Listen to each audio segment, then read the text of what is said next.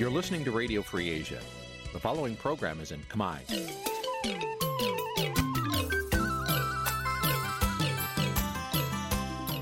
នេះជាកម្មវិធីផ្សាយវិទ្យុអាស៊ីសេរីនេះជាកម្មវិធីផ្សាយរបស់ Vuthu Azizi Saray ជាភាសាខ្មែរវិទ្យុអាស៊ីសេរីសូមស្វាគមន៍លោកអ្នកនាងទាំងអស់ពីរដ្ឋធានី Washington នៃសហរដ្ឋអាមេរិក ពីរដ្ឋធានី Washington ខ្ញុំបាទមួងណារ៉េតសូមជម្រាបសួរលោកនាងកញ្ញាអ្នកស្ដាប់វិទ្យុអាស៊ីសេរីទាំងអស់ជាទីមេត្រីយើងខ្ញុំសូមជូនកម្មវិធីផ្សាយសម្រាប់ព្រឹកថ្ងៃអង្គារ9រោចខែមករាឆ្នាំឆ្លូវត្រីស័កពុទ្ធសករាជ2565ដែលត្រូវនឹងថ្ងៃទី28ខែធ្នូគ្រិស្តសករាជ2021បច្ចុប្បន្នដំបូងនេះសូមអញ្ជើញលោកនាងកញ្ញាស្ដាប់ព័ត៌មានប្រចាំថ្ងៃដែលមានមេត្តាដូចតទៅ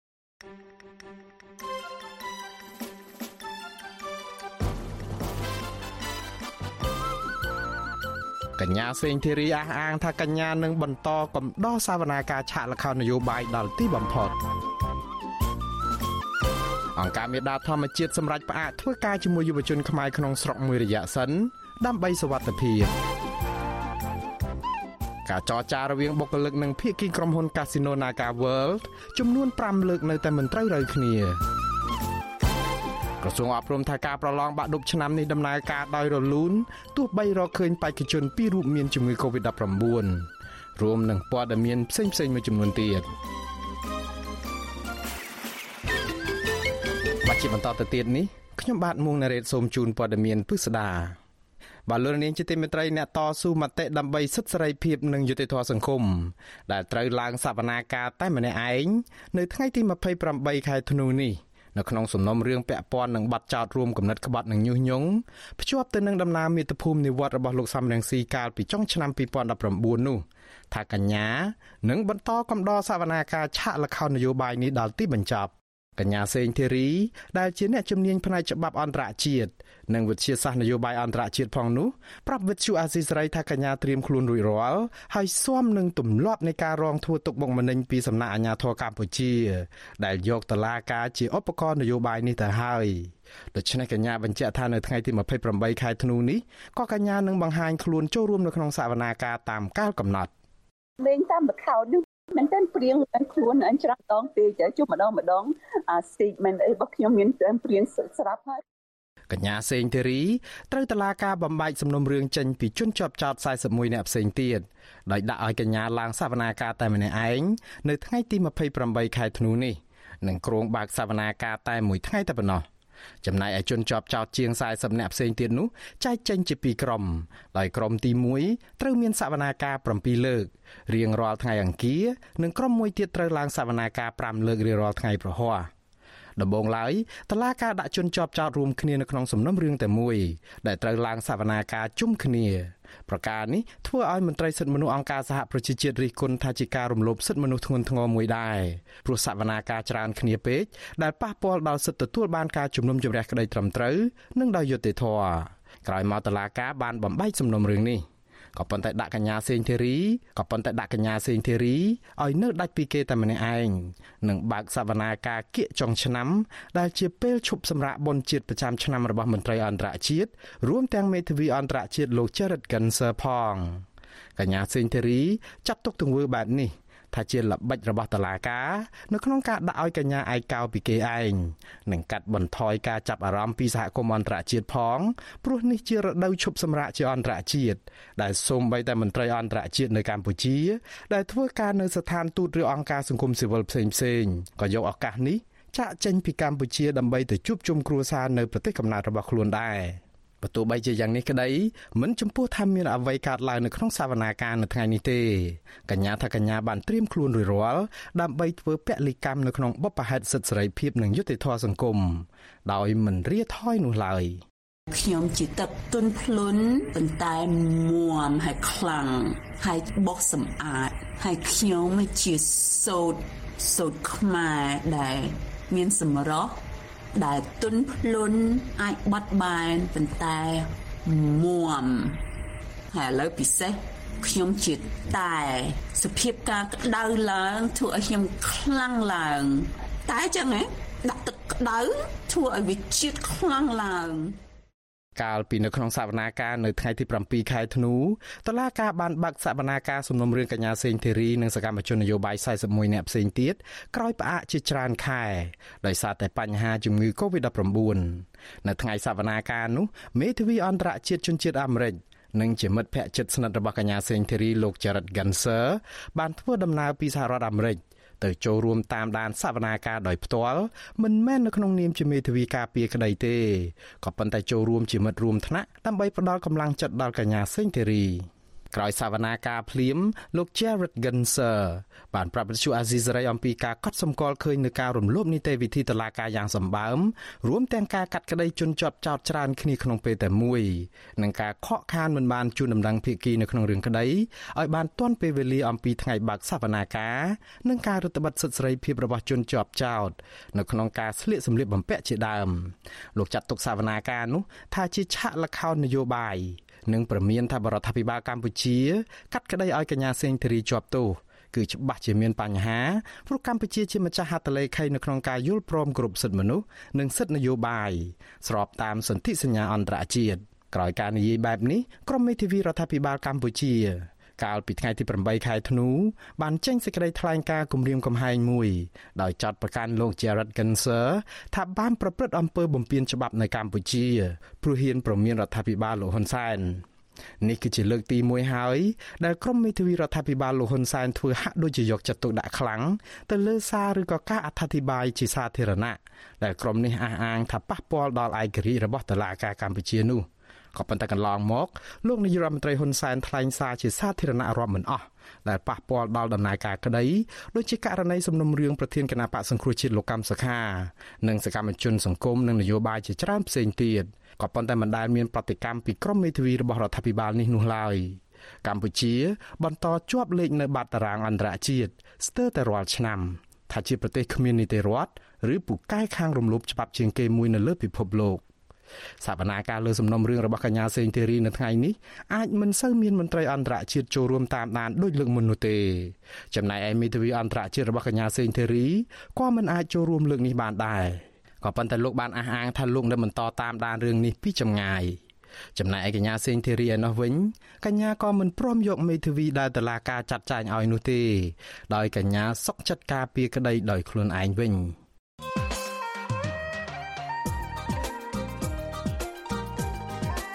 បាទលោកនាងជាទីមេត្រីសកម្មជននិងអ្នកស្រឡាញ់ប្រជាធិបតេយ្យជាច្រើនបន្តដំណើរតស៊ូមតិដើម្បីឲ្យមានការផ្លាស់ប្តូរជីវវិជ្ជមាននៅកម្ពុជា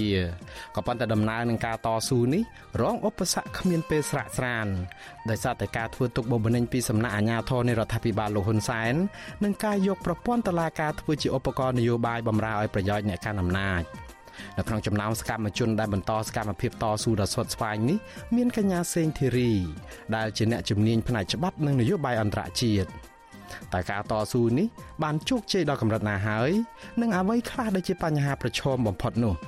បាទសូមលោកនាងរងចាំស្ដាប់កិច្ចពិភាក្សាជំវិញប្រធានបទនេះ នៅក្នុងនីតិវេទិកាអ្នកស្ដាប់វិទ្យុអាស៊ីសេរីនៅយប់ថ្ងៃអង្គារទី28ខែធ្នូនេះចាប់ពីម៉ោង7កន្លះដល់ម៉ោង9កុំបីខានលោកអ្នកនាងអាចចូលរួមជាយោបល់ឬក៏សួរសំណួរវាគ្មិនដោយដាក់លេខទូរស័ព្ទនៅក្នុងខ្ទង់ comment របស់ Facebook និង YouTube របស់វិទ្យុអាស៊ីសេរីនៅក្នុងពេលកំពុងតែផ្សាយផ្ទាល់នោះក្រុមការងាររបស់យើងខ្ញុំនឹងតាក់ទងទៅលោកអ្នកនាងវិញសូមអរគុណ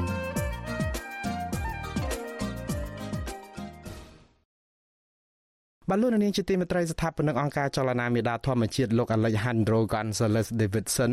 ប្រកាសថាលែងមានសមាជិកអង្គការរបស់លោកនៅក្នុងប្រទេសកម្ពុជាតទៅទៀតហើយ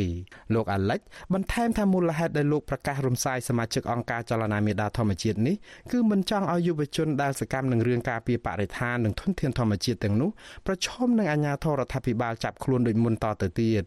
លោកបញ្ជាក់ថាបើទោះបីជាអង្គការចលនាមេដាធម្មជាតិលែងមានសមាជិករបស់ខ្លួននៅក្នុងប្រទេសក្តីក៏លោកសង្ឃឹមថាសកម្មភាពការពារបរិស្ថាននិងធនធានធម្មជាតិនេះនឹងមានកាន់តែច្រើនជាងមុនលោកបានលើកឡើងថាលោកចង់ធ្វើការងារការពារបរិស្ថាន និងធនធានធម្មជាតិនេះឲ្យមានប្រសិទ្ធភាពផង និងសុវត្ថិភាពផង មេដាធម្មជាតិនឹងមិនធ្វើការជាមួយយុវជនកម្ពុជានៅក្នុងស្រុកមួយរយៈពេលសិនចាំតឡាការហ្នឹងគឺបញ្ចប់ការសិទ្ធិសួររបស់គេព្រោះស្ថានភាពរឿងសំណងរឿងដែលគេចាត់ប្រកាន់ទៅលើសកម្មជន6នាក់ហ្នឹងគឺស្ថិតនៅក្នុងដៃរបស់ចៅក្រមស៊ើបសួរមិនទាន់បានបញ្ជូនទៅជំនុំជម្រះអញ្ចឹងគឺ មានន័យថាយើងមិនបានបិទទ្វារទេយើងនៅតែបន្តសកម្មភាពដដែលគ្រាន់តែសកម្មជនដែលជាសមាជិករបស់យើងគឺលេជាយុវជនដែលមានវត្តមាននៅក្នុងស្រុកហើយទី2បើសិនជាប្រហែលខែទៅមុខទៀតយើងឃើញតែស្ថានភាពវិវត្តទៅជាល្អជាងមុនហើយរដ្ឋាភិបាលលេងយល់ច្រឡំហើយតឡាការហ្នឹងគឺមិនបញ្ជូនទៅពន្ធនាគារយើងអាចនឹងត្រឡប់ទៅរបបមុនចាស់បញ្ជាក់ចំណុចមួយទៀតថាប្រជាជនខ្មែរមាន16លាននាក់ហើយក្នុងចំណោម16លាននាក់គឺមានរហូតដល់យុវជនរហូតដល់ពាក់កណ្ដាលប្រទេសទោះបីជាមានអាធម្មជាតិមិនមានសមាជិកឬក៏មិនមានបុគ្គលិកដូចពីមុនទេគឺនៅតែមានដៃគូរបស់យើងរាប់លាននាក់បាទលោកនាងជាទីមេត្រីជុំវិញរឿងនេះដែរសូមលោកនាងរងចាំស្ដាប់បទសម្ភាសរវាងវិទ្យុអាស៊ីសេរីនិងកញ្ញាភួនកែវរស្មីលំអិតបន្ថែមទៀតនៅក្នុងការផ្សាយរបស់យើងនាពេលបន្តិចទៀតនេះបាទសូមអរគុណ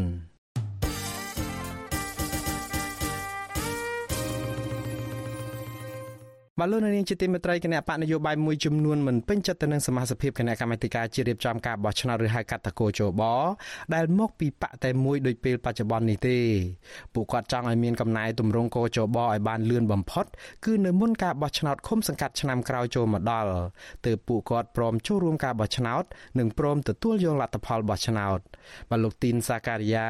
រាយការណ៍ជំវិញព័ត៌មាននេះ គណៈបកនយោបាយខ្លះនឹងពិចារណាគម្រោងពេហិការបោះឆ្នោតនៅឆ្នាំ2022និងឆ្នាំ2023ខាងមុខប្រសិនបរដ្ឋាភិបាលនិងគណៈបកកណ្ដាលអំណាចមិនព្រមកែតម្រង់កោជបឲ្យមានការទទួលស្គាល់ពីគ្រប់ភាគីទៅនោះប្រធានគណៈបកផ្នែកឈ្នះលោកសួងសុភ័ណ្ឌបានដឹងថាគណៈបករបស់លោកនឹងតស៊ូមតិរាល់ជំនួបនានាដើម្បីទាមទារឲ្យកែតម្រង់កោជបមួយដែលមានភាពសុក្រិតពិសេសគឺក្បាលម៉ាស៊ីនទាំង9នាក់របស់កោជប តំណាងគណៈបកនយោបាយមួយនេះមើលឃើញថាបើសិនជាគ្មានការកែតម្រង់កោជបឲ្យទាន់ពេលវេលាទេនោះការបោះឆ្នោតឆ្នាំ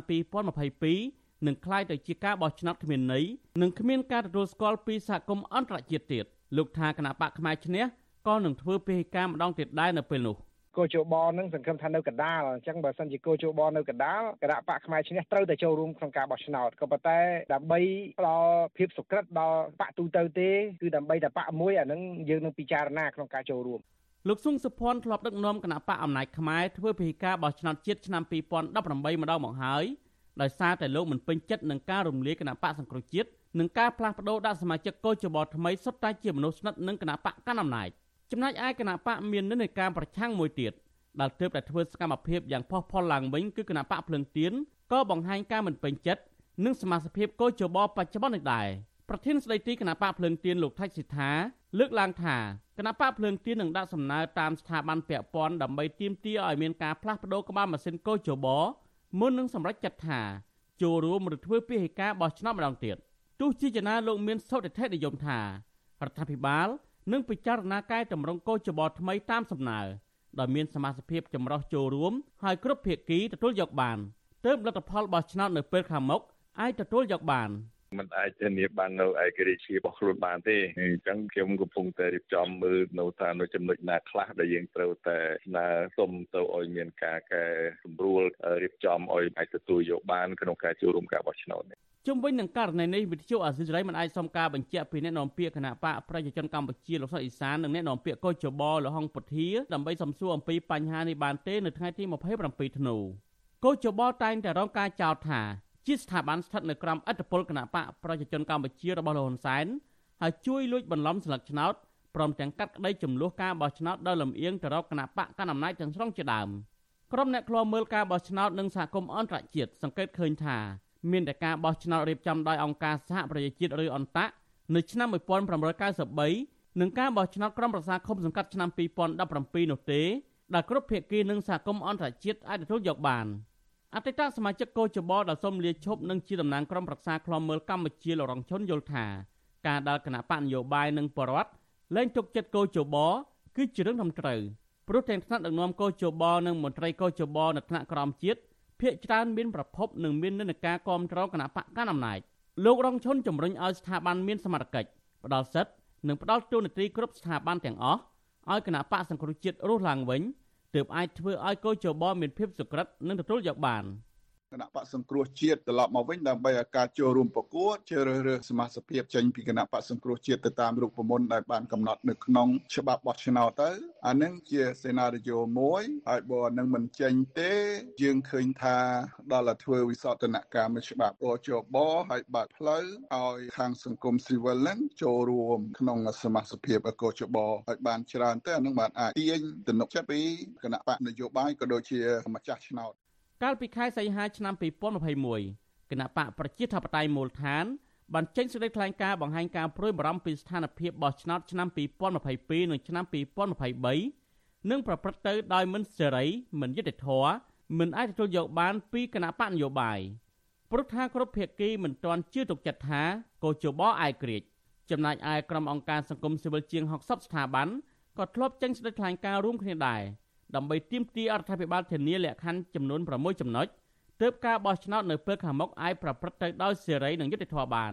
លក្ខខណ្ឌទាំងនោះមានដូចជាការបង្កើតបរិយាកាសនយោបាយសេរី ការធានាសិទ្ធិនយោបាយសិទ្ធិចូលឈ្មោះបោះឆ្នោតកែសម្រួលសមាជិកគណៈកម្មាធិការជាតិរៀបចំការបោះឆ្នោតកោជបធានាឯករាជ្យនៃអំណាចតុលាការនិងកងកម្លាំងប្រដាប់អាវុធព្រមទាំងធានាការអនុវត្តទូនីតិដោយសេរីរបស់អង្គការសង្គមស៊ីវិលនិងប្រព័ន្ធផ្សព្វផ្សាយជាដើម។ ខ្ញុំទីនសាការីយ៉ាអសិរ័យប្រធានីវ៉ាស៊ីនតោន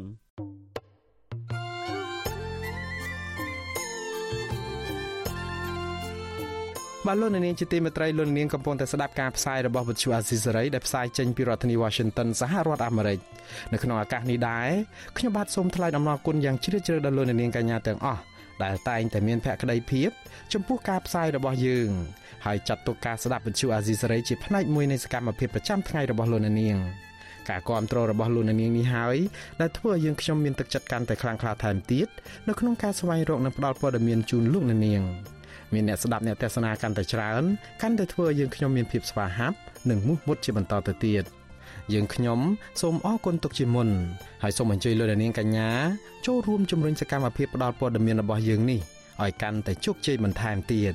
លោកនាងអាចជួយយើងខ្ញុំបានដោយគ្រាន់តែចុចចែករំលែកឬក៏ Share ការផ្សាយរបស់យើងនៅលើបណ្ដាញសង្គម Facebook និង YouTube ទៅកាន់មិត្តភ័ក្តិដើម្បីឲ្យការផ្សាយរបស់យើង បានទៅដល់មនុស្សកាន់តែច្រើនសូមអរគុណ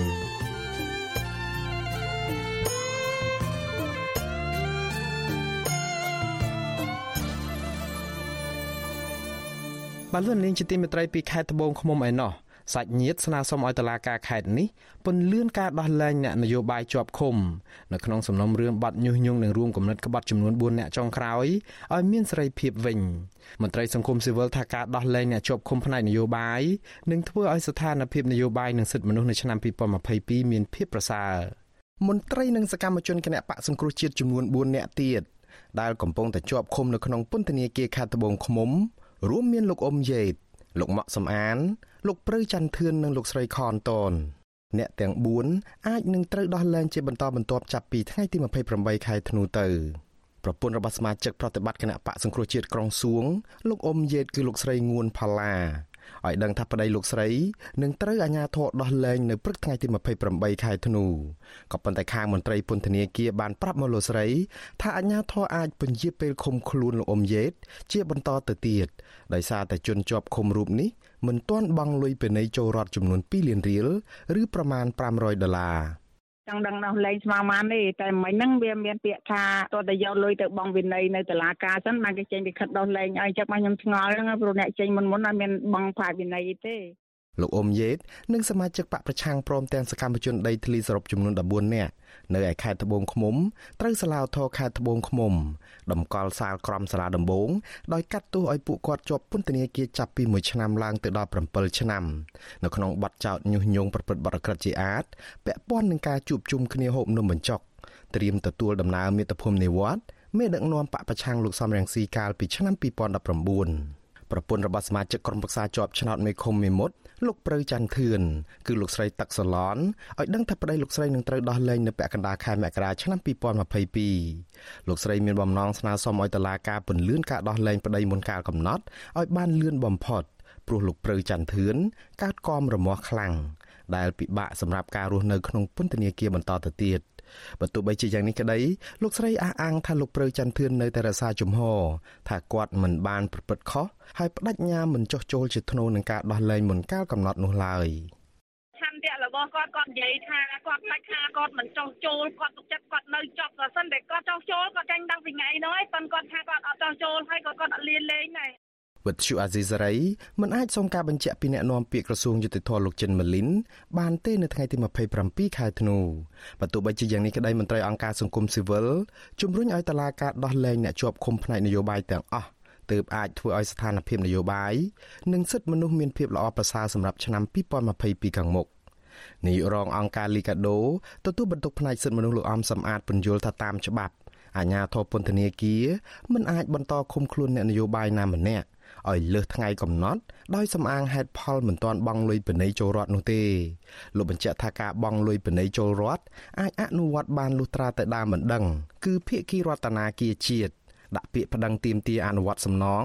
ទើបអាជ្ញាធរអាចអនុវត្តនីតិវិធីនេះបាន។ ទោសធននតនវាតលតែដើមមិនដឹងហ្នឹងគេប្តឹងដើម្បីសុំឲ្យអនុវត្តទោសធននតនអាហ្នឹងបានត្រូវជាប់ទោសបន្តទោសធននតនហ្នឹងគឺអ្នកដែលប្តឹងហ្នឹងជាអ្នកទទួលខុសត្រូវក្នុងការរ៉ាប់រងទៅលើការចំណាយក្នុងគាត់ជាប់ពន្ធនាគារអញ្ចឹងខ្ញុំនិយាយទៅករណីនេះវាមិនអាចទៅរួចទេរ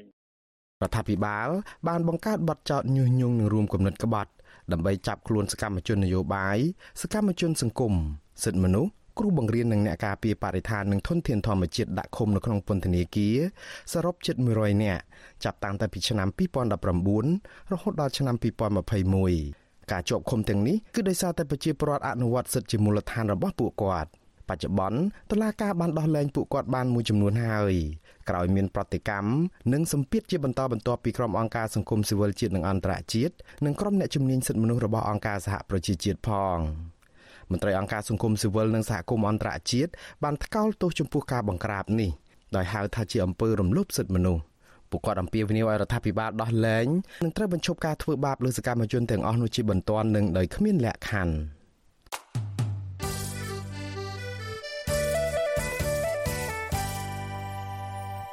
បលូននាងជាទីមេត្រីនៅឯខេត្តបាត់ដំបងឯណោះ សាច់ញាតិបរោះដែលស្លាប់ពេលនៅប៉ូលីសឃុំខ្លួនសួរចម្លើយនៅនគរបាលស្រុកសង្កែកាលពីដើមខែមេសាកន្លងទៅនោះអំពីវិនិយោគដល់អាជ្ញាធរដែលមានសមត្ថកិច្ចនៅក្រសួងមហាផ្ទៃជួយពន្លឿនចេញសេចក្តីសន្និដ្ឋានសម្រាប់ចុងក្រោយឲ្យបានឆាប់ដើម្បីយកជនប្រព្រឹត្តមកផ្ដន្ទាទោសតាមច្បាប់និងផ្ដល់យុត្តិធម៌ដល់ពួកគាត់មន្ត្រីអង្គការសង្គមស៊ីវិលយល់ថាសមត្ថកិច្ចជំនាញនៃក្រសួងមហាផ្ទៃគួរតែប្រញាប់ចេញលទ្ធផលទាំងនោះ ដើម្បីកុំឲ្យប៉ះពាល់ដល់សិទ្ធិទទួលបានយុត្តិធម៌របស់ពួកគាត់និងផ្ដល់ទំនុកចិត្តលើស្ថាប័នអនុវត្តច្បាប់លោកសនច័ន្ទរដ្ឋារាយការណ៍ជំនួយព័ត៌មាននេះសញ្ញាបរោះដែលស្លាប់ពេលប៉ូលីសឃុំខ្លួនក្នុងអធិការដ្ឋាននគរបាលស្រុកសង្កែខេត្តបាត់ដំបងខកចិត្តជាខ្លាំងចំពោះភាពយឺតយ៉ាវនៅក្នុងការជិះលទ្ធផលស៊ើបអង្កេតចុងក្រោយដែលធ្វើប៉ះពាល់ដល់ការទទួលបានយុត្តិធម៌និងធ្វើឲ្យអ្នកប្រព្រឹត្តនៅក្រៅសំណាញ់ច្បាប់បន្តទៀតពួកគេស្នើយ៉ាងទទូចដល់អាជ្ញាធរមានសមត្ថកិច្ច ឲ្យជួយពន្លឿនសេចក្តីសន្និដ្ឋាននៃលទ្ធផលស៊ើបអង្កេតឲ្យបានឆាប់ហើយយកជនល្មើសផ្ដន់ទោសតាមច្បាប់ដើម្បីផ្ដល់យុត្តិធម៌ដល់អ្នកស្លាប់ដោយសារអំពើទរណកម្មខុសឃើញនេះបងស្រីបង្ការរបស់ជនរងគ្រោះគឺលោកស្រីពេជ្រលីណាបានប្រាប់វិទ្យុអាស៊ីសេរីថាអស់រយៈពេល73ថ្ងៃហើយដែលប្អូនប្រុសលោកស្រីមិនទាន់ទទួលបានយុត្តិធម៌ក្រោមអំពើទរណកម្មយ៉ាងព្រៃផ្សៃរហូតដល់ស្លាប់នេះលោកស្រីបន្តថាក្រោយពីសាច់ញាតិដាក់ពាក្យបណ្ដឹងនិងជួបបំភ្លឺតាមសមាជិកជាបន្តបន្ទាប់មក ពួកគាត់នៅតែមិនទាន់ទទួលបានដំណឹងឬក៏លទ្ធផលស៊ើបអង្កេតដដែល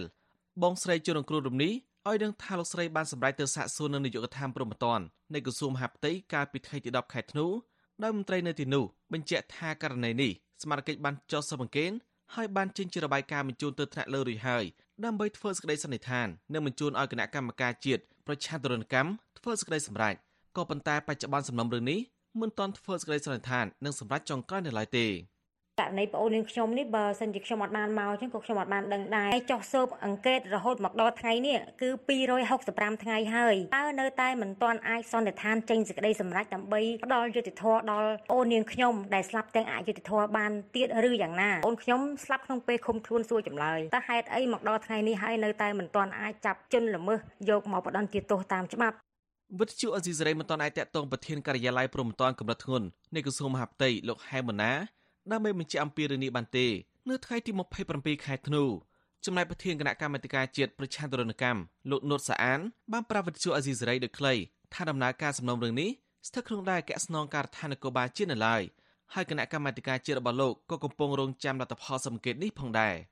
ខាងខ្ញុំនេះអត់បានដឹងទេព្រោះខ្ញុំបានបញ្ជូនទៅខាងអគ្គស្នងការកោបាលហើយខាងខ្ញុំអត់មានរូបដៃជើងពេកទេខ្ញុំកំពុងតែរងចាំលទ្ធផលនឹងដែរដឹងយ៉ាងម៉េច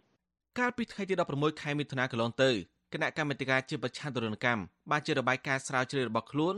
ដោយសន្និដ្ឋានថាជនរងគ្រោះឈ្មោះពេជ្រធរ៉េតអាចស្លាប់ម្ដងមកពីការវាយធ្វើទរណកម្មស្រាលឬធ្ងន់នៅក្នុងពេលដែលប៉ូលីសឃុំខ្លួននៅអធិការដ្ឋាននគរបាលស្រុកសង្កែក៏ប៉ុន្តែសមត្ថកិច្ចមិនបានចាប់ជនល្មើសមកផ្ដន់ទោសតាមច្បាប់នៅឡើយទេ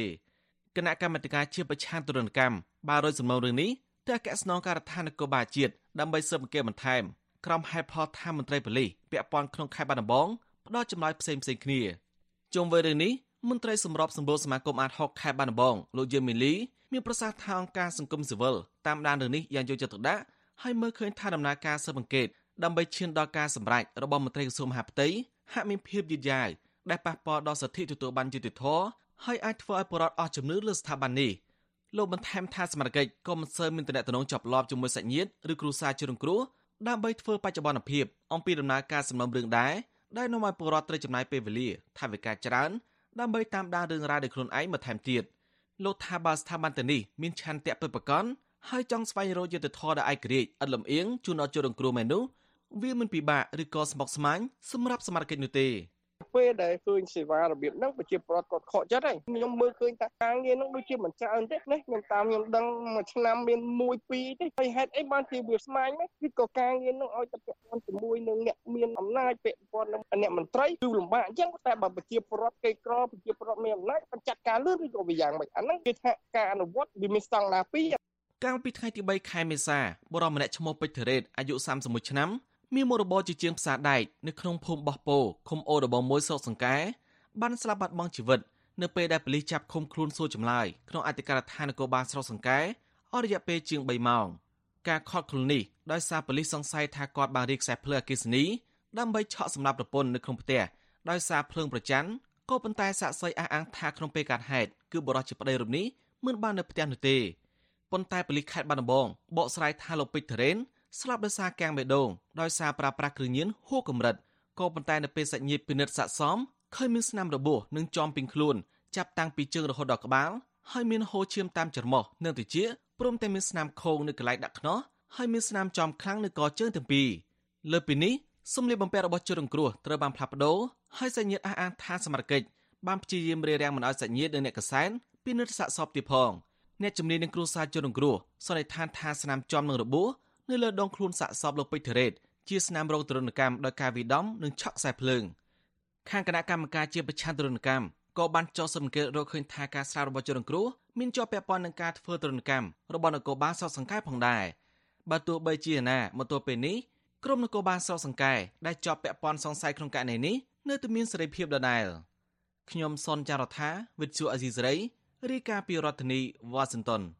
បាទលោកនាងជាទីមេត្រីលោកនាងក៏អាចស្ដាប់ការផ្សាយរបស់វិទ្យុអាស៊ីសេរីដំណើរគ្នាទៅនឹងការផ្សាយតាមបណ្ដាញសង្គម Facebook និង YouTube នេះតាមរយៈរលកធាតុអាកាសខ្លីឬក៏ Short Wave ពេលព្រឹកចាប់ពីម៉ោង5កន្លះដល់ម៉ោង6កន្លះតាមរយៈរលកធាតុអាកាសខ្លី9390 kHz ស្មើនឹងកម្ពស់ 32m និង11850 kHz ស្មើនឹងកម្ពស់ 25m ពេលយប់ចាប់ពីម៉ោង7កន្លះដល់ម៉ោង8កន្លះតាមរយៈរលកធាតុអាកាសខ្លី9390 kHz ស្មើនឹងកម្ពស់ 32m និង15155 kHz ស្មើនឹងកម្ពស់ 20m បាទសូមអរគុណ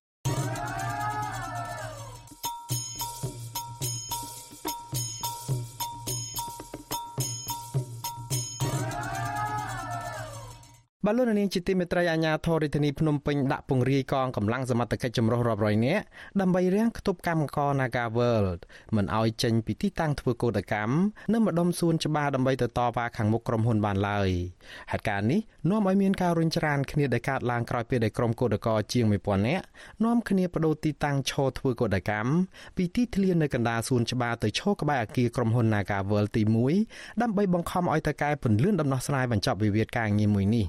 បាទសូមលន់នាងស្ដាប់សេចក្តីរាយការណ៍លម្អិតរបស់លោកជីវិតាជំវិញព័ត៌មាននេះការធ្វើកតកម្មថ្ងៃទី10នៅខាងមុខក្រុមហ៊ុន Nagavel ឈានដល់ការរុញច្រានដាក់គ្នាមួយប្រាវរវាងក្រុមកតកនិងកម្លាំងអាជ្ញាធរគណៈដំណោះស្រាយវិវាទការងារមួយនេះនៅមិនទាន់មានលទ្ធផលណាមួយអាចទទួលយកបាននៅឡើយបុគ្គលិកផ្នែកកាស៊ីណូលោកស្រីរិនផល្លាប្រាប់អាស៊ីសេរីនៅថ្ងៃទី27ធ្នូថា ការសម្រេចចិត្តផ្លាស់ប្តូរទីតាំងឈរធ្វើកោតកម្មនេះដោយសារពួកគាត់សង្កេតឃើញថាភាគីក្រុមហ៊ុនមិនសូវខ្វាយខ្វល់ដោះស្រាយបញ្ចប់វិវាទការងារមួយនេះទេ ចាប់តាំងពីផ្ដើមធ្វើកោតកម្មថ្ងៃទី18ខែធ្នូមកលោកស្រីបន្តថាក្នុងពេលមានការរុញច្រានគ្នានោះខាងកម្លាំងសន្តិសុខព្យាយាមដណ្ដើមយកឧបករណ៍បំពងសម្លេងពីក្រុមកោតក្រដែលចាំបាច់ប្រើប្រាស់ដើម្បីស្រែកតវ៉ារកដំណោះស្រាយពីក្រុមហ៊ុន លោកស្រីយល់ថាអញ្ញាធមមិនគួររារាំងពួកគាត់មិនឲ្យទៅតវ៉ាខាងមុខក្រុមហ៊ុននោះទេព្រោះថាការតវ៉ានេះធ្វើឡើងដោយសន្តិវិធី យើងជាកោតក្រយើងអត់ចង់ជួបបញ្ហាបែបហ្នឹងទេព្រោះយើងប្រើដោយសន្តិវិធីមិនប្រើប្រាស់ហិង្សាទៅលើគ្នាទៅវិញទៅមកកុំឲ្យរងគ្រោះនិងឈឺចាប់ព្រោះយើងប្រើវិធីសាស្ត្រដោះស្រាយគ្នា តែខាងអាជ្ញាធរខ្ញុំមិនដឹងថាគាត់យល់របៀបម៉េចបានគាត់មកប្រើរុញច្រានដើម្បីឲ្យគេមើលឃើញឬក៏គាត់ទទួលយកអ្វីមួយដែលហៅថាសោកប៉ាន់ឬក៏អីខ្ញុំអត់ដឹងដែរដោយសារពួកយើងក៏សិតតែជាជនជាតិដូចគ្នាអញ្ចឹងណាបងគាត់មានសិទ្ធិការពារយើងក៏ទុកចិត្តទៅលើគាត់មិនថាគាត់ជាមនុស្សប្រុសមិនអាចលើកដៃវាយស្រីបានទេក្រោយពីហេតុការណ៍នេះកើតឡើង អភិបាលរាជធានីភ្នំពេញលោកខួងស្រេង បានចុះជួបនិយាយជាមួយក្រុមកម្មករដោយសម្របសម្រួលឲ្យពួកគេវិលមកឈរលើខឿនសួនច្បារជាប់ផ្លូវថ្នល់វិញលោកលើកឡើងថាកម្មករអាចបន្តការតវ៉ានេះនៅទីតាំងដែលអាជ្ញាធរបានកំណត់ឲ្យដោយមិនគួរទៅតវ៉ាដែលរំខានដល់ការធ្វើអាជីវកម្មរបស់ក្រុមហ៊ុនឡើយ។ ចំណែកក្រុមកម្មករក៏យល់ព្រមធ្វើតាមការណែនាំរបស់អាជ្ញាធរខ្ញុំលើកគាត់ពេលនេះតើខ្ញុំចង់បកលៀងឥឡូវនេះខ្ញុំសូមឲ្យអូនឯងមកលើហើយបន្តធ្វើការអភិបាលត ពាក្យថាការពៀផលប្រយោជន៍ស្វាស្មាតអូនឯងលើកពីមេត្រាដែលធ្វើកោតកម្មអូនឯងអាចធ្វើកោតកម្មបាននៅតាមរោងចក្រគឺអង្គុយនៅកន្លែងធ្វើការឲ្យនឹងធ្វើការប៉ុន្តែអូនឯងអត់អាចយកធ្វើសាធារណៈរបស់ខ្ញុំធ្វើកើតទេព្រោះផ្លូវនេះមិនមែនដើរតែខ្ញុំមិនមែនដើរតែអូនឯងតែលើកបីលានអ្នកដែលត្រូវពេញចូលដើរឲ្យមានការយោគយល់ដល់ខ្ញុំជាអ្នកសមត្ថផលផងនេះជាបញ្ហាដែលខ្ញុំចង់បានតាក់ទងនឹងរឿងនេះអ្នកគ្រប់គ្រងកម្មវិធីការងារនៃអង្គការសង្ត្រាល់លោកខុនថារ៉ូ ដែលនៅឃ្លាំមើលការតវ៉ានេះនិយាយថា សកម្មភាពធ្វើកោតកម្មដោយសន្តិវិធីនេះគឺស្របតាមច្បាប់ស្តីពីការធ្វើកោតកម្មដោយសន្តិវិធីដែលអនុញ្ញាតឲ្យកម្មករអាចធ្វើកោតកម្មជាប់នឹងទីតាំងក្រុមហ៊ុនបានលោកបន្តថាវិវាទការងារដែលអូសបន្លាយមកដល់ពេលនេះគឺដោយសារភាគីក្រុមហ៊ុននៅតែមិនមានចេតនាស្មោះត្រង់ចង់ចូលរួមដោះស្រាយបញ្ចប់រឿងនេះឡើយលោកយល់ថា ភាគីក្រុមហ៊ុនលំមដល់ពេលដោះស្រាយបញ្ចប់វិវាទនេះដោយទទួលយកកម្មករជាង300នាក់ឲ្យចូលធ្វើការវិញព្រោះថាក្រុមហ៊ុនក៏បានបើកដំណើរការអាជីវកម្មរបស់ខ្លួនច្រើនខែមកហើយដែរ។ បើសិនជាគាត់មានចំហនៅក្នុងការដោះស្រាយខណៈពេលនេះមិនមែនជាឧបសគ្គទេពីព្រោះអីក្រុមហ៊ុននៅដំណើរការធម្មតានៅពេលដែលប្រកាសបិទនៅព្រឹត្តិការណ៍ថ្ងៃ20កុម្ភៈឡើងវិញសេវារបស់ក្រុមហ៊ុននៅប្រតិបត្តិការធម្មតាមកដល់ពេលនេះកម្មករប្រមាណជា1000នាក់បានទទួលយកសំណងរួចហើយនៅសល់តែ300ជាងនាក់ទេអញ្ចឹងក្រុមហ៊ុនមានលទ្ធភាពពេញលេញនៅក្នុងការសម្បទាននៅការទៀមទារបស់កម្មករយោជិតគិតមកត្រឹមថ្ងៃទី27ធ្នូ ក្រុមកម្មករនយោជិកក្រុមហ៊ុន Nagaworld បានធ្វើកោតកម្មដោយសន្តិវិធីអស់រយៈពេល10ថ្ងៃហើយអង្គការសង្គមស៊ីវិលដែលតាមដានរឿងនេះលើកឡើងថាបើភាគីក្រុមហ៊ុនព្រមទទួលយកបុគ្គលិកជាង300នាក់ចូលធ្វើការវិញវិវាទការងារមួយនេះនឹងត្រូវបានបញ្ចប់ ហើយកម្មករក៏នឹងរំសាយការធ្វើកោតកម្មហើយវិលចូលធ្វើការវិញដែរ ខ្ញុំជីវិតាអាស៊ីសេរីបាទលោកនាងជាទីមេត្រីតកតងនឹងការតវ៉ារបស់ក្រុមបុគ្គលិកនៅក្រុមហ៊ុន Nagavel នេះក្រសួងការងារនិងបណ្ដុះបណ្ដាលវិជ្ជាជីវៈអះអាងថាភាគីបុគ្គលិកនិងនិយោជិតនិងភាគីក្រុមហ៊ុន Casino Naga World នៅតែមិនអាចចរចាត្រូវរើគ្នាបាននៅឡើយក្រសួងការងារបញ្ជាក់ថាកាលពីរសៀលថ្ងៃទី27ខែធ្នូម្សិលមិញនោះកញ្ញាឈឹមស៊ីធ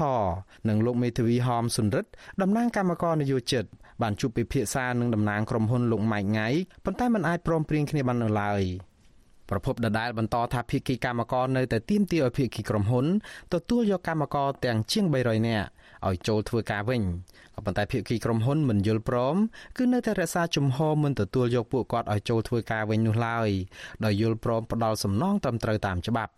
ក្រសួងការងារអះអាងថានេះគឺជាការចរចាលើកទី5ទៅហើយដោយមានក្រសួងការងារជាអ្នកសម្របសម្រួលបន្ទាប់ពីក្រុមកម្មការនយោជិតនៅក្រុមហ៊ុន Casino Naga World បានចេញធ្វើកោតកម្មកាលពីថ្ងៃទី18ខែធ្នូនោះមកជាមួយគ្នានេះក្រសួងក៏អំពាវនាវដល់ភាគីទំនាស់ឲ្យបន្តសហការជាមួយនឹងអាជ្ញាធរដើម្បីរកដំណោះស្រាយបញ្ចប់បញ្ហានេះ បើទោះបីជាយ៉ាងនេះក្តីភាគីកម្មករនយោជិតនៅតែអះអាងថានឹងបន្តកោតកម្មរហូតដល់ភាគីថៅកែយល់ព្រមទទួលយកអ្នកទាំងជាង300នាក់នោះដែលរួមមានទាំងតំណាងសហជីពប្រចាំនៅក្រុមហ៊ុននេះផងឲ្យចុះធ្វើការដូចដើមវិញ។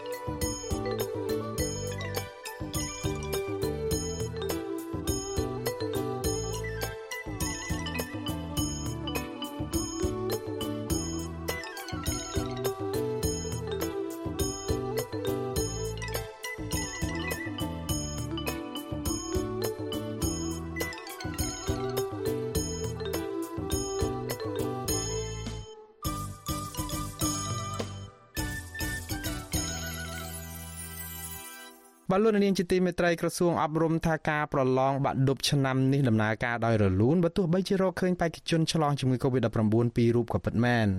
ក៏ប៉ុន្តែប្រធានសមាគមគ្រូបង្រៀនកម្ពុជាឯករាជ្យនៅតែបារម្ភអំពីបញ្ហា Covid នេះនិងរិះគន់បញ្ហាសមាជិកលើសលប់នៃស្ថាប័នសហភាពសហព័ន្ធយុវជនកម្ពុជា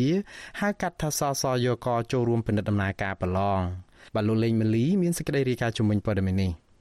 ក្រសួងអប់រំយុវជននិងកីឡាអះអាងថា ដំណើរការប្រឡងបាក់ឌុបឆ្នាំនេះគឺមានការរឹតបន្តឹងវិធានការសុខាភិបាល និងរឹតបន្តឹងការប្រឡងដើម្បីការពារជំងឺ Covid-19 និងពង្រឹងគុណភាពសញ្ញាបត្រមធ្យមសិក្សាទុតិយភូមិឆ្នាំ2021រដ្ឋមន្ត្រីក្រសួងអប់រំយុវជននិងកីឡាលោកហងជួននរុនថ្លែងប្រាប់អ្នកកសែតក្នុងពេលចុះបើកពិញ្ញាសាប្រឡងនៅវិទ្យាល័យស៊ីសវត្តនៅព្រឹកថ្ងៃទី27ធ្នូថា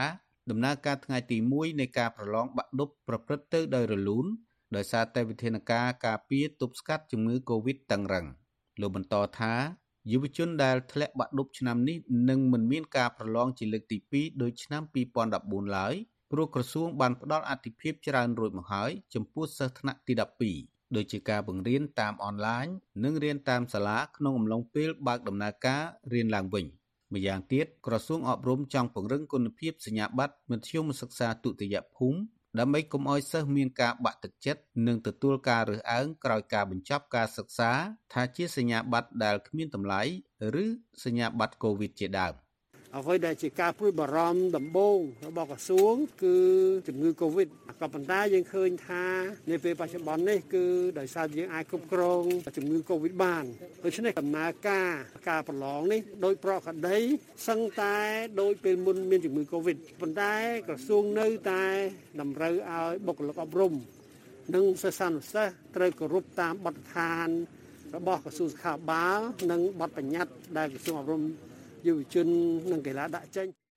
ទោះជាយ៉ាងនេះក្តីក្រសួងអប់រំបានរកឃើញបេក្ខជនពីររូបមានជំងឺ Covid-19 ប៉ុន្តែលោកនាយករដ្ឋមន្ត្រីហ៊ុនសែនអនុញ្ញាតឲ្យប្រឡងបាក់ឌុបដោយបេក្ខជនដទៃទៀតដែរដោយត្រូវចូលរួមប្រឡងនៅមណ្ឌលព្យាបាលជំងឺ Covid-19 គឺមជ្ឈមណ្ឌលជាតិកម្ចាត់រោគរបេងនិងហង្សិន។ បេក្ខជនទាំងពីរគឺជាកីឡាការិនីការ៉ាតេដូ ដែលត្រូវបានរដ្ឋាភិបាលកម្ពុជាបញ្ជូនឲ្យទៅប្រកួតនៅប្រទេសកាសាក់ស្តង់ហើយទើបតែវិលត្រឡប់មកកម្ពុជាថ្មីថ្មីនេះចំពោះបញ្ហាសុខភាពរបស់បេក្ខជនផ្សេងផ្សេងទៀតក្រសួងអះអាងថាមានចំនួន25ករណី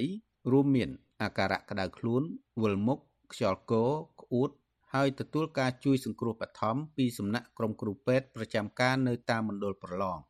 ទោះជាយ៉ាងណាក្តីក្រសួងនៅតែអនុញ្ញាតឲ្យបេក្ខជនដែលមានបញ្ហាសុខភាពទាំងអស់និងវិជ្ជមានជំងឺ Covid-19 អាចបន្តការប្រឡងដោយស្ថិតក្រោមការសហការរៀបចំដោយក្រសួងអប់រំយុវជននិងកីឡាក្រសួងសុខាភិបាលនិងអាជ្ញាធរពាក់ព័ន្ធសម្រាប់បេក្ខជនប្រឡងឆ្នាំនេះមានចំនួន110,000នាក់ស្រីជាង60000នាក់មាន204មណ្ឌលនិងជាង4000បន្ទប់ក្រសួងអះអាងថាចំនួនបេក្ខជនអវត្តមានពេលព្រឹក មានចំនួនជាង4000នាក់ក្រសួងថែមទាំងអះអាងថាពុំមានបេក្ខជនណារំលោភបទបញ្ញត្តិនៃការប្រឡងគ្មានការយកសំណៅឯកសារឬឧបករណ៍អេឡិចត្រូនិកចូលក្នុងមណ្ឌលនិងបន្ទប់ប្រឡងឡើយបេក្ខជនទាំងអស់បានអនុវត្តយ៉ាងល្អនិងខិតខំប្រឹងប្រែងក្នុងការធ្វើកិច្ចការតាមសមត្ថភាពរៀងៗខ្លួនជុំវិញបញ្ហានេះប្រធានសមាគមគ្រូបង្រៀនកម្ពុជាឯករាជ្យអ្នកស្រីអុកឆាយាវីយល់ថា អ្វីបើដំណើរការប្រឡងបាក់ឌុបនៅថ្ងៃនេះមានភាពល្អប្រសើរច្រើនប៉ុន្តែនៅតែជាក្តីព្រួយបារម្ភនៅឡើយដែលក្រសួងអប់រំនិងសិស្សានុសិស្សត្រូវតែប្រុងប្រយ័ត្ននិងការពារតាមវិធានសុខាភិបាលចំពោះស្ថាប័នដែលចុះពិនិត្យដំណើរការប្រឡងវិញអ្នកស្រីរិទ្ធគុណថាសមាជិកភាពដែលមកពីសហភាពសហព័ន្ធយុវជនកម្ពុជា ហាក់ដូចជាលើសលប់ពេកគឺច្រើនជាងសមាជិកភាពដែលមកពីស្ថាប័នផ្សេងទៀតដូចជាក្រសួងមហាផ្ទៃ កងរាជអាវុធហត្ថលើផ្ទៃប្រទេសនិងអង្គភាពប្រឆាំងអំពើពុករលួយជាដើមដែលនេះជារូបភាពមិនឯករាជ្យមួយដោយសារក្រសួងអប់រំហាក់ស្ថិតនៅក្រោមឥទ្ធិពលនៃបកពួកនយោបាយ ឃើញថាការប្រព្រឹត្តទៅនឹងល្អប្រសើរហើយដោយសារតែមានវាស់អណ្ដៅបាញ់អកលអីអញ្ចឹងណាប៉ុន្តែពួកយើងបារម្ភបំផុតនោះដោយសារតែមានបេក្ខជនប្រឡងមានកើតកូវីដទោះបីយកពួកគាត់ទៅដាក់នៅកន្លែងធ្វើចតាលិស័កបដាហើយប្រឡងបដាក្តីតែគាត់នៅក្នុងការបារម្ភពីបញ្ហាសុខភាពគាត់ក៏ដូចជាក្មួយក្មួយជាបេក្ខជនប្រឡងនៅថ្ងៃទី1នេះដែរ ក្រសួងអប់រំយុវជននិងកីឡាបានចេញសេចក្តីប្រកាសព័ត៌មានស្តីពីការរៀបចំការប្រឡងសញ្ញាបត្រមធ្យមសិក្សាទុតិយភូមិដោយចាប់ផ្ដើមដំណើរការប្រឡងពីថ្ងៃទី27ដល់ថ្ងៃទី28ធ្នូក្រោយពីមានការបូកស្រង់ពិន្ទុនិងផ្ទៀងផ្ទាត់ពិន្ទុរួចក្រសួងនឹងប្រកាសលទ្ធផលបាក់ឌុបនៅថ្ងៃទី18ខែមករាឆ្នាំ2022សម្រាប់រាជធានីភ្នំពេញ និងថ្ងៃទី19ខែមករាឆ្នាំ2022សម្រាប់បណ្ដាខេត្តផ្សេងៗទៀតខ្ញុំបាទលេងម៉ាលីវិទ្យុអស៊ីសេរីរាយការណ៍ពីរដ្ឋធានី Washington បាទលោកនាងជាទីមេត្រីលោកនាងក៏អាចស្ដាប់ការផ្សាយរបស់វិទ្យុអាស៊ីសេរីដំណើរគ្នាទៅនឹងការផ្សាយតាមបណ្ដាញសង្គម Facebook និង YouTube នេះតាមរយៈរលកធារកាសខ្លីឬក៏ Short Wave ពេលព្រឹកចាប់ពីម៉ោង5កន្លះដល់ម៉ោង6កន្លះតាមរយៈរលកធារកាសខ្លី9390 kHz ស្មើនឹងកម្ពស់ 32m និង11850 kHz ស្មើនឹងកម្ពស់ 25m ពេលយប់ចាប់ពីម៉ោង7កន្លះដល់ម៉ោង8កន្លះតាមរយៈរលកធាតុអាកាសខ្លី9390 kHz ស្មើនឹងកម្ពស់ 32m និង15155 kHz ស្មើនឹងកម្ពស់ 20m បាទសូមអរគុណ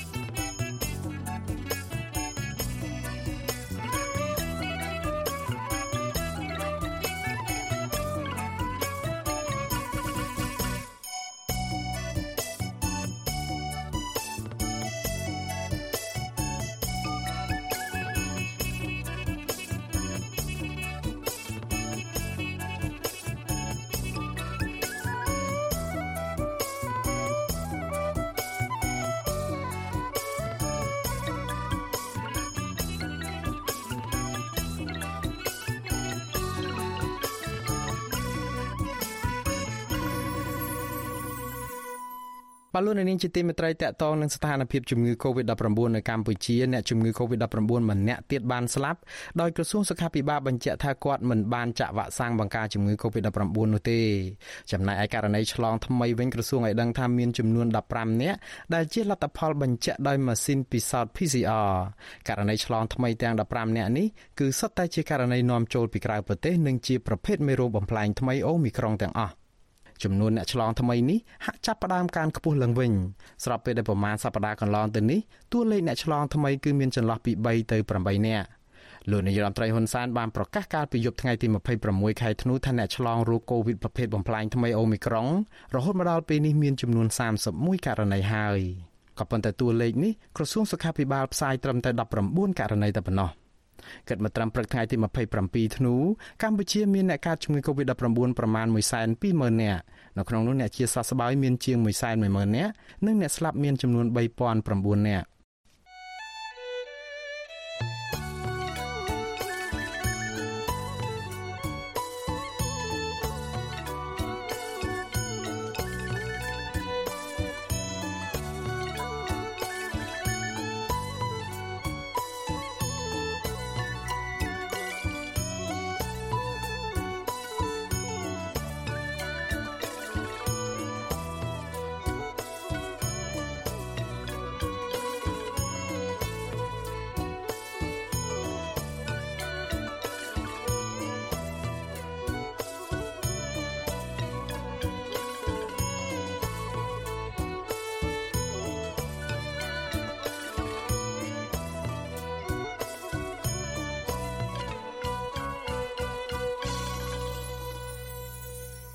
មកលោកនាងជាទីមេត្រីអតីតសមាជិកអង្គការចលនាមេដាធម្មជាតិអះអាងថាបើទោះបីជាលោក Alejandro Gonzalez Davidson ប្រកាសរំសាយបុគ្គលិកនៅក្នុងប្រទេសក្តី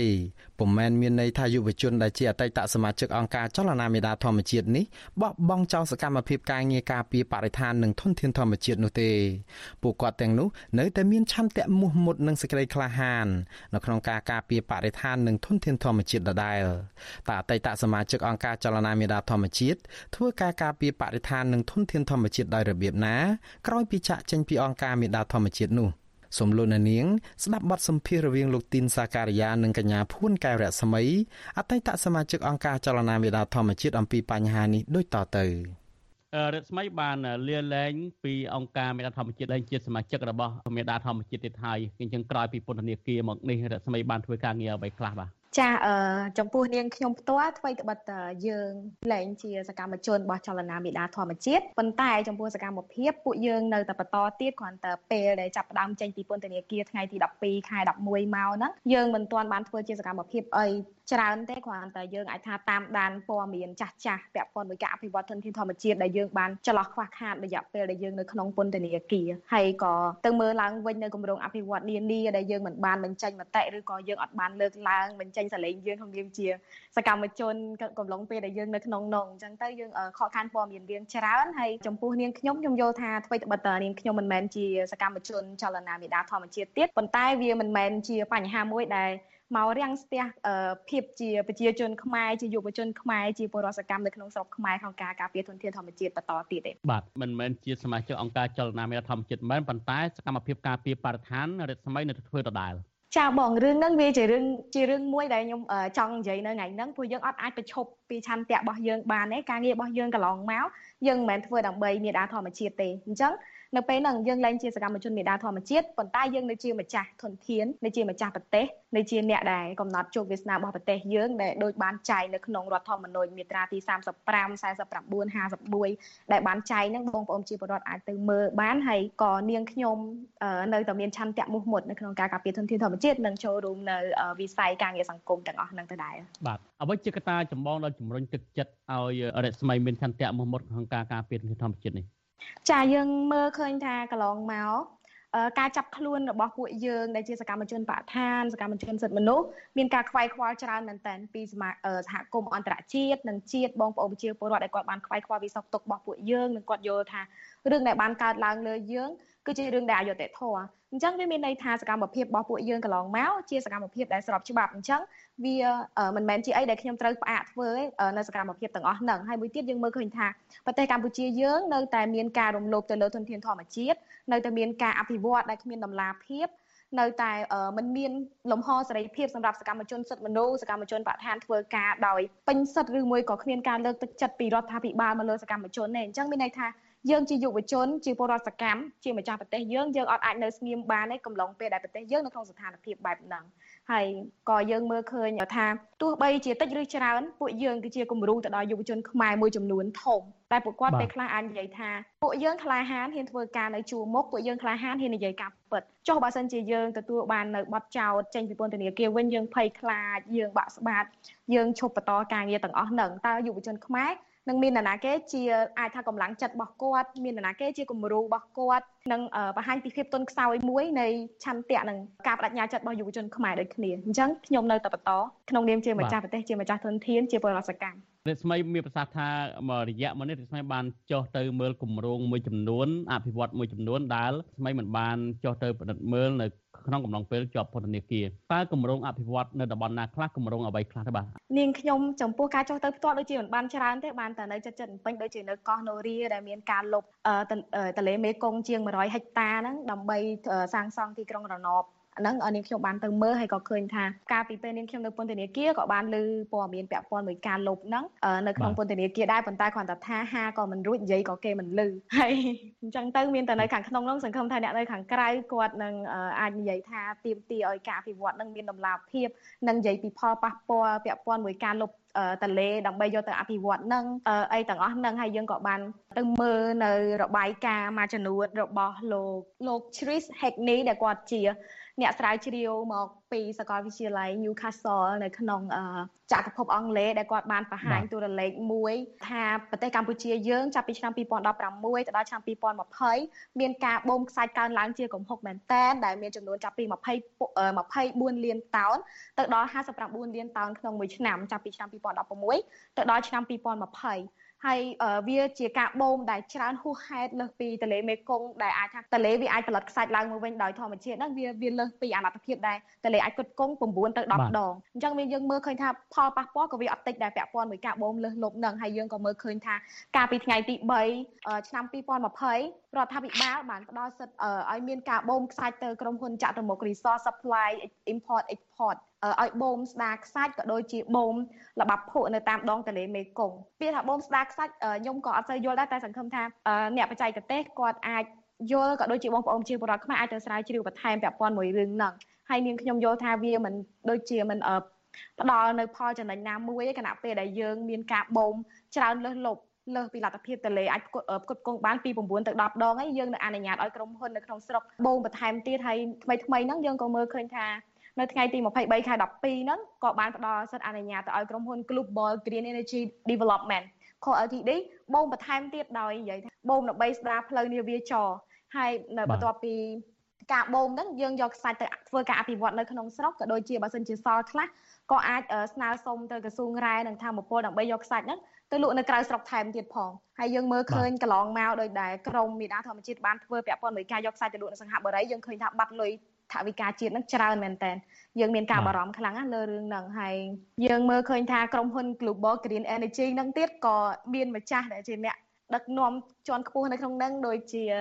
អឺលោកស្រីត្រីដាលីនមានឈ្មោះត្រីដាលុចត្រីដាភ័សដែលជាខ្សែស្រឡាយលោកត្រីភៀបដែលយើងដឹងពីប្រវត្តិគាត់ឯងហើយលោកត្រីភៀបហ្នឹងកាលពីឆ្នាំកាលពីដើមខែ12ឆ្នាំ2019ហ្នឹងក៏ត្រូវទណ្ឌកម្មមកពីសហរដ្ឋអាមេរិកដាក់ ទណ្ឌកម្មទៅលើក្រុមហ៊ុនទាំង11របស់គាត់ផងដែរដោយសារមើលឃើញការរំលោភសិទ្ធិមនុស្សរំលោភធនធានមនុស្សនិងការបំផ្លិចបំផ្លាញធនធានធម្មជាតិរបស់គាត់នៅក្នុងស្រុកខ្មែរអញ្ចឹងវាសុទ្ធតែជារឿងដែលពួកយើងត្រូវនិយាយត្រូវលើកឡើងត្រូវយកមកជជែកត្រូវយកមកផ្សព្វផ្សាយហើយនាងខ្ញុំក៏សប្បាយចិត្តមែនតើដែលនាងខ្ញុំមានឱកាសចេញមកតាមដានព័ត៌មានទាំងអស់នឹងឡើងវិញមានឱកាសចូលរួមវិទ្យុអាស៊ីសេរីនិយាយជាមួយបងនឹងបានផ្សាយសម្លេងទៅដល់បងប្អូនជនរួមជាតិចា៎ តើនៅឆ្នាំថ្មីនេះរស្មីមានផែនការថ្មីអ្វីខ្លះសម្រាប់ការងារការពារបរិស្ថាននិងធនធានធម្មជាតិនេះបាទសូមចេញចាចំពោះផែនការយើងអត់អាចនិយាយស៊ីជម្រៅទេសារពេលតិចប៉ុន្តែជាទៅផងនាងខ្ញុំក៏ អាចថាបើកចិត្តបើកបេះដូងសហការមួយក្រមយុវជនផ្សេងផ្សេងអង្គការជាតិនិងអន្តរជាតិក៏ដូចជាប្រជាពលរដ្ឋខ្មែរហើយជាពិសេសហ្នឹងគឺកម្លាំងយុវជនដែលជាអ្នកដែលគាត់នៅមានកម្លាំងកាយកម្លាំងចិត្តពោពេញទៅដោយឆន្ទៈហ្នឹងយើងនឹងព្យាយាមបង្កើតបណ្ដាញឲ្យច្រើនមែនទែនតាមគ្រប់បណ្ដាខេត្តទាំងអស់ ដើម្បីយើងអាចទទួលដឹងពីបញ្ហានានាដែលបានកើតឡើងនៅតាមខេត្តហើយនាងខ្ញុំក៏សូមស្នើទៅខាងរដ្ឋាភិបាលក៏ដូចជាតុលាការឲ្យទម្លាក់បទចោទមកលើនាងខ្ញុំក៏ដូចជាក្រមសកម្មជនការពារបរិស្ថាននិងសិទ្ធិមនុស្សដើម្បីឲ្យពួកយើងអាចមានលំហសេរីភាពដើម្បីធ្វើការការពារនៅប្រយោជន៍ជាតិដើម្បីពួកយើងទាំងអស់គ្នា ហើយនឹងក៏បញ្ហាបរិស្ថានមិនមែនជាបញ្ហារបស់កញ្ញាភួនកៅរស្មីឬក៏ណាគេអញ្ចឹងអ្វីដែលពួកយើងធ្វើគឺដើម្បីទាំងអស់គ្នាយើងសង្ឃឹមថានឹងមានការទម្លាក់បទចោទមកលើពួកយើងក៏ដូចជាយើងស្នើឲ្យមានដំណាភាពទៅលើគម្រោងអភិវឌ្ឍនានាអរគុណអរគុណច្រើនរស្មីបាទលោកនាងទើបបានស្ដាប់បទសម្ភាសន៍រវាងលោកទីនសាការីយ៉ាជាមួយនឹងកញ្ញាភួនកែវរស្មី អតីតសមាជិកអង្គការចលនាមេដាធម្មជាតិដែលនៅតែបដិញ្ញាចិត្តការពារបរិស្ថាននិងធនធានធម្មជាតិក្រោយពីចាក់ចេញពីអង្គការមេដាធម្មជាតិ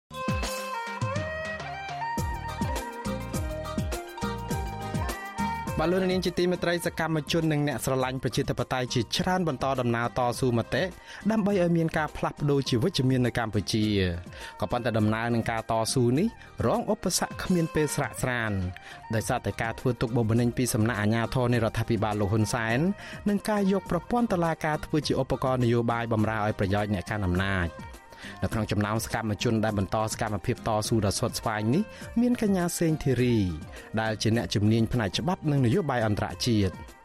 តែការតស៊ូនេះបានជោគជ័យដល់កម្រិតណាហើយនិងអ្វីខ្លះដែលជាបញ្ហាប្រឈមបំផុតនោះបាទសូមលោកនាងរងចាំស្ដាប់កិច្ចពិភាក្សាជំវិញប្រធានបទនេះ នៅក្នុងនីតិវេទិកាអ្នកស្ដាប់វិទ្យុអាស៊ីសេរីនៅយប់ថ្ងៃអង្គារទី28ខែធ្នូនេះចាប់ពីម៉ោង7កន្លះដល់ម៉ោង9កុំបីខានលោកអ្នកនាងអាចចូលរួមជាយោបល់ឬក៏សួរសំណួរវាគ្មិនដោយដាក់លេខទូរស័ព្ទនៅក្នុងខ្ទង់ comment របស់ Facebook និង YouTube របស់ Vuthu Asisari នៅក្នុងពេលកំពុងតែផ្សាយផ្ទាល់នោះក្រុមការងាររបស់យើងខ្ញុំនឹងតាក់ទងទៅលោកអ្នកនាងវិញសូមអរគុណ បាទលោកនាងជាទីមេត្រីជាបន្តទៅទៀតនេះខ្ញុំបាទមុងណារ៉េតសូមជូនព័ត៌មានបញ្ចប់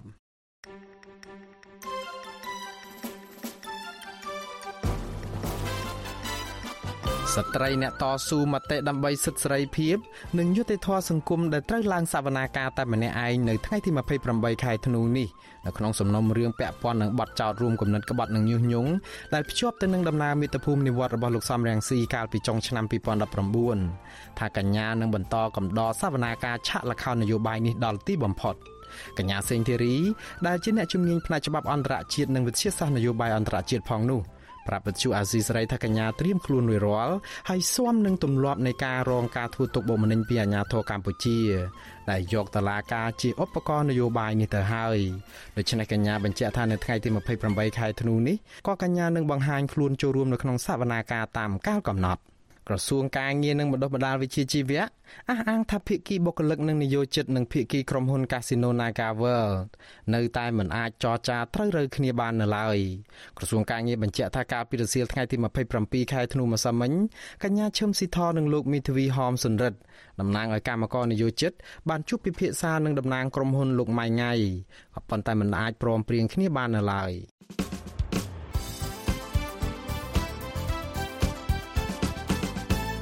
បលូននាងកញ្ញាអ្នកស្ដាប់ជាទីមេត្រី ការផ្សាយរយៈពេល1ម៉ោងជាភាសាខ្មែររបស់វិទ្យុអាស៊ីសេរីនៅពេលនេះចប់តែប៉ុណ្ណេះយើងខ្ញុំសូមជូនពរដល់លោកនាងព្រមទាំងក្រុមគ្រួសារទាំងអស់ឲ្យជួបប្រកបតែនឹងសេចក្តីសុខចម្រើនរុងរឿងកុំបីឃ្លៀងឃ្លាតឡើយខ្ញុំបាទមុងណារ៉េតព្រមទាំងក្រុមការងារទាំងអស់នៃវិទ្យុអាស៊ីសេរីសូមអរគុណនិងសូមជម្រាបលា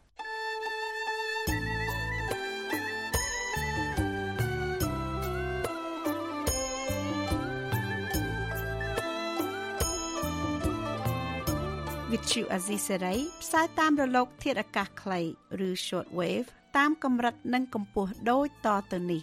ពេលព្រឹកចាប់ពីម៉ោង5កន្លះដល់ម៉ោង6កន្លះតាមរយៈរលក ធាតុអាកាសខ្លី9940 40 kHz ស្មើនឹងកម្ពស់ 30m ពេលយប់ចាប់ពីម៉ោង7កន្លះដល់ម៉ោង8កន្លះតាមរយៈរលក ធាតុអាកាសខ្លី9960 kHz ស្មើនឹងកម្ពស់ 30m និង11240 kHz ស្មើនឹងកម្ពស់ 25m លោកអ្នកនាងក៏អាចស្ដាប់ការផ្សាយផ្ទាល់តាមប្រព័ន្ធអ៊ីនធឺណិតដោយចូលទៅកាន់គេហទំព័រ www.rfa.org/ ខ្មែរក្រៅពីនេះលោកអ្នកនាងក៏អាចអាននិងទស្សនាព័ត៌មានវិទ្យុអាស៊ីសេរីលើទូរស័ព្ទដៃរបស់លោកអ្នកផ្ទាល់ សូមលោកអ្នកនាងចូលទៅកាន់បណ្ដាញសង្គម Facebook ដែលមានអាសយដ្ឋាន www.facebook.com/rfa cambodia និង YouTube www.youtube.com/rfa khmer video សូមលោកអ្នកនាងចុច like និងចុច Subscribe ដើម្បីទទួលបានព័ត៌មានថ្មីៗទាន់ហេតុការណ៍និងទស្សនាវីដេអូផ្សេងៗទៀតបានគ្រប់ពេលវេលា